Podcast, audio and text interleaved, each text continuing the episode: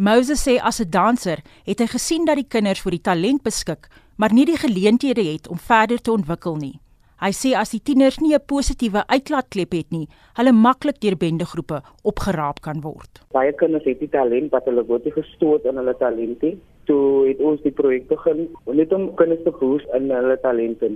Daar is ook die rede hoekom ons dit begin het. Ons hou hulle elke dag na skool tot 5:00 uur toe en dan stuur hulle huis toe want ons probeer om hulle van die straat af so van hulle word gou-gou geheg aan die straatlewe dat hulle bendes begin word Hy sê hulle fokus nie net op dans nie, maar wil ook lewenslesse oordra. Dit help hulle ook elke dag en elke dag se lewe because ons doen nie vir hulle hulle moet net dans, ons leer vir hulle like hoe om respek te hê vir hulle self en ander mense ook so.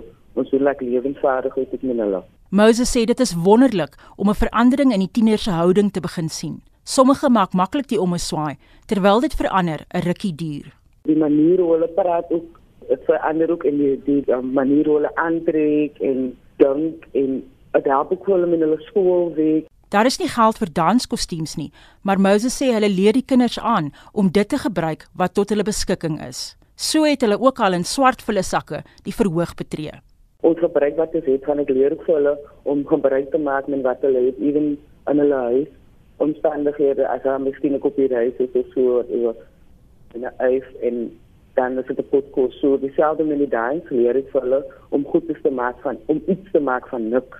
Moses sê een van die grootste drome is om die projek na ander gemeenskappe uit te brei. Ja, my droom is om die projek om dit uit te voer in ander communities ook en om 'n groot plek te hê om elke naweek by mekaar te kom. Dit was die stigter van die Unlimited 360 dansgroep in Ocean View naby Kaapstad, Marwan Moses. Ek is Annelien Moses vir SAK nuus.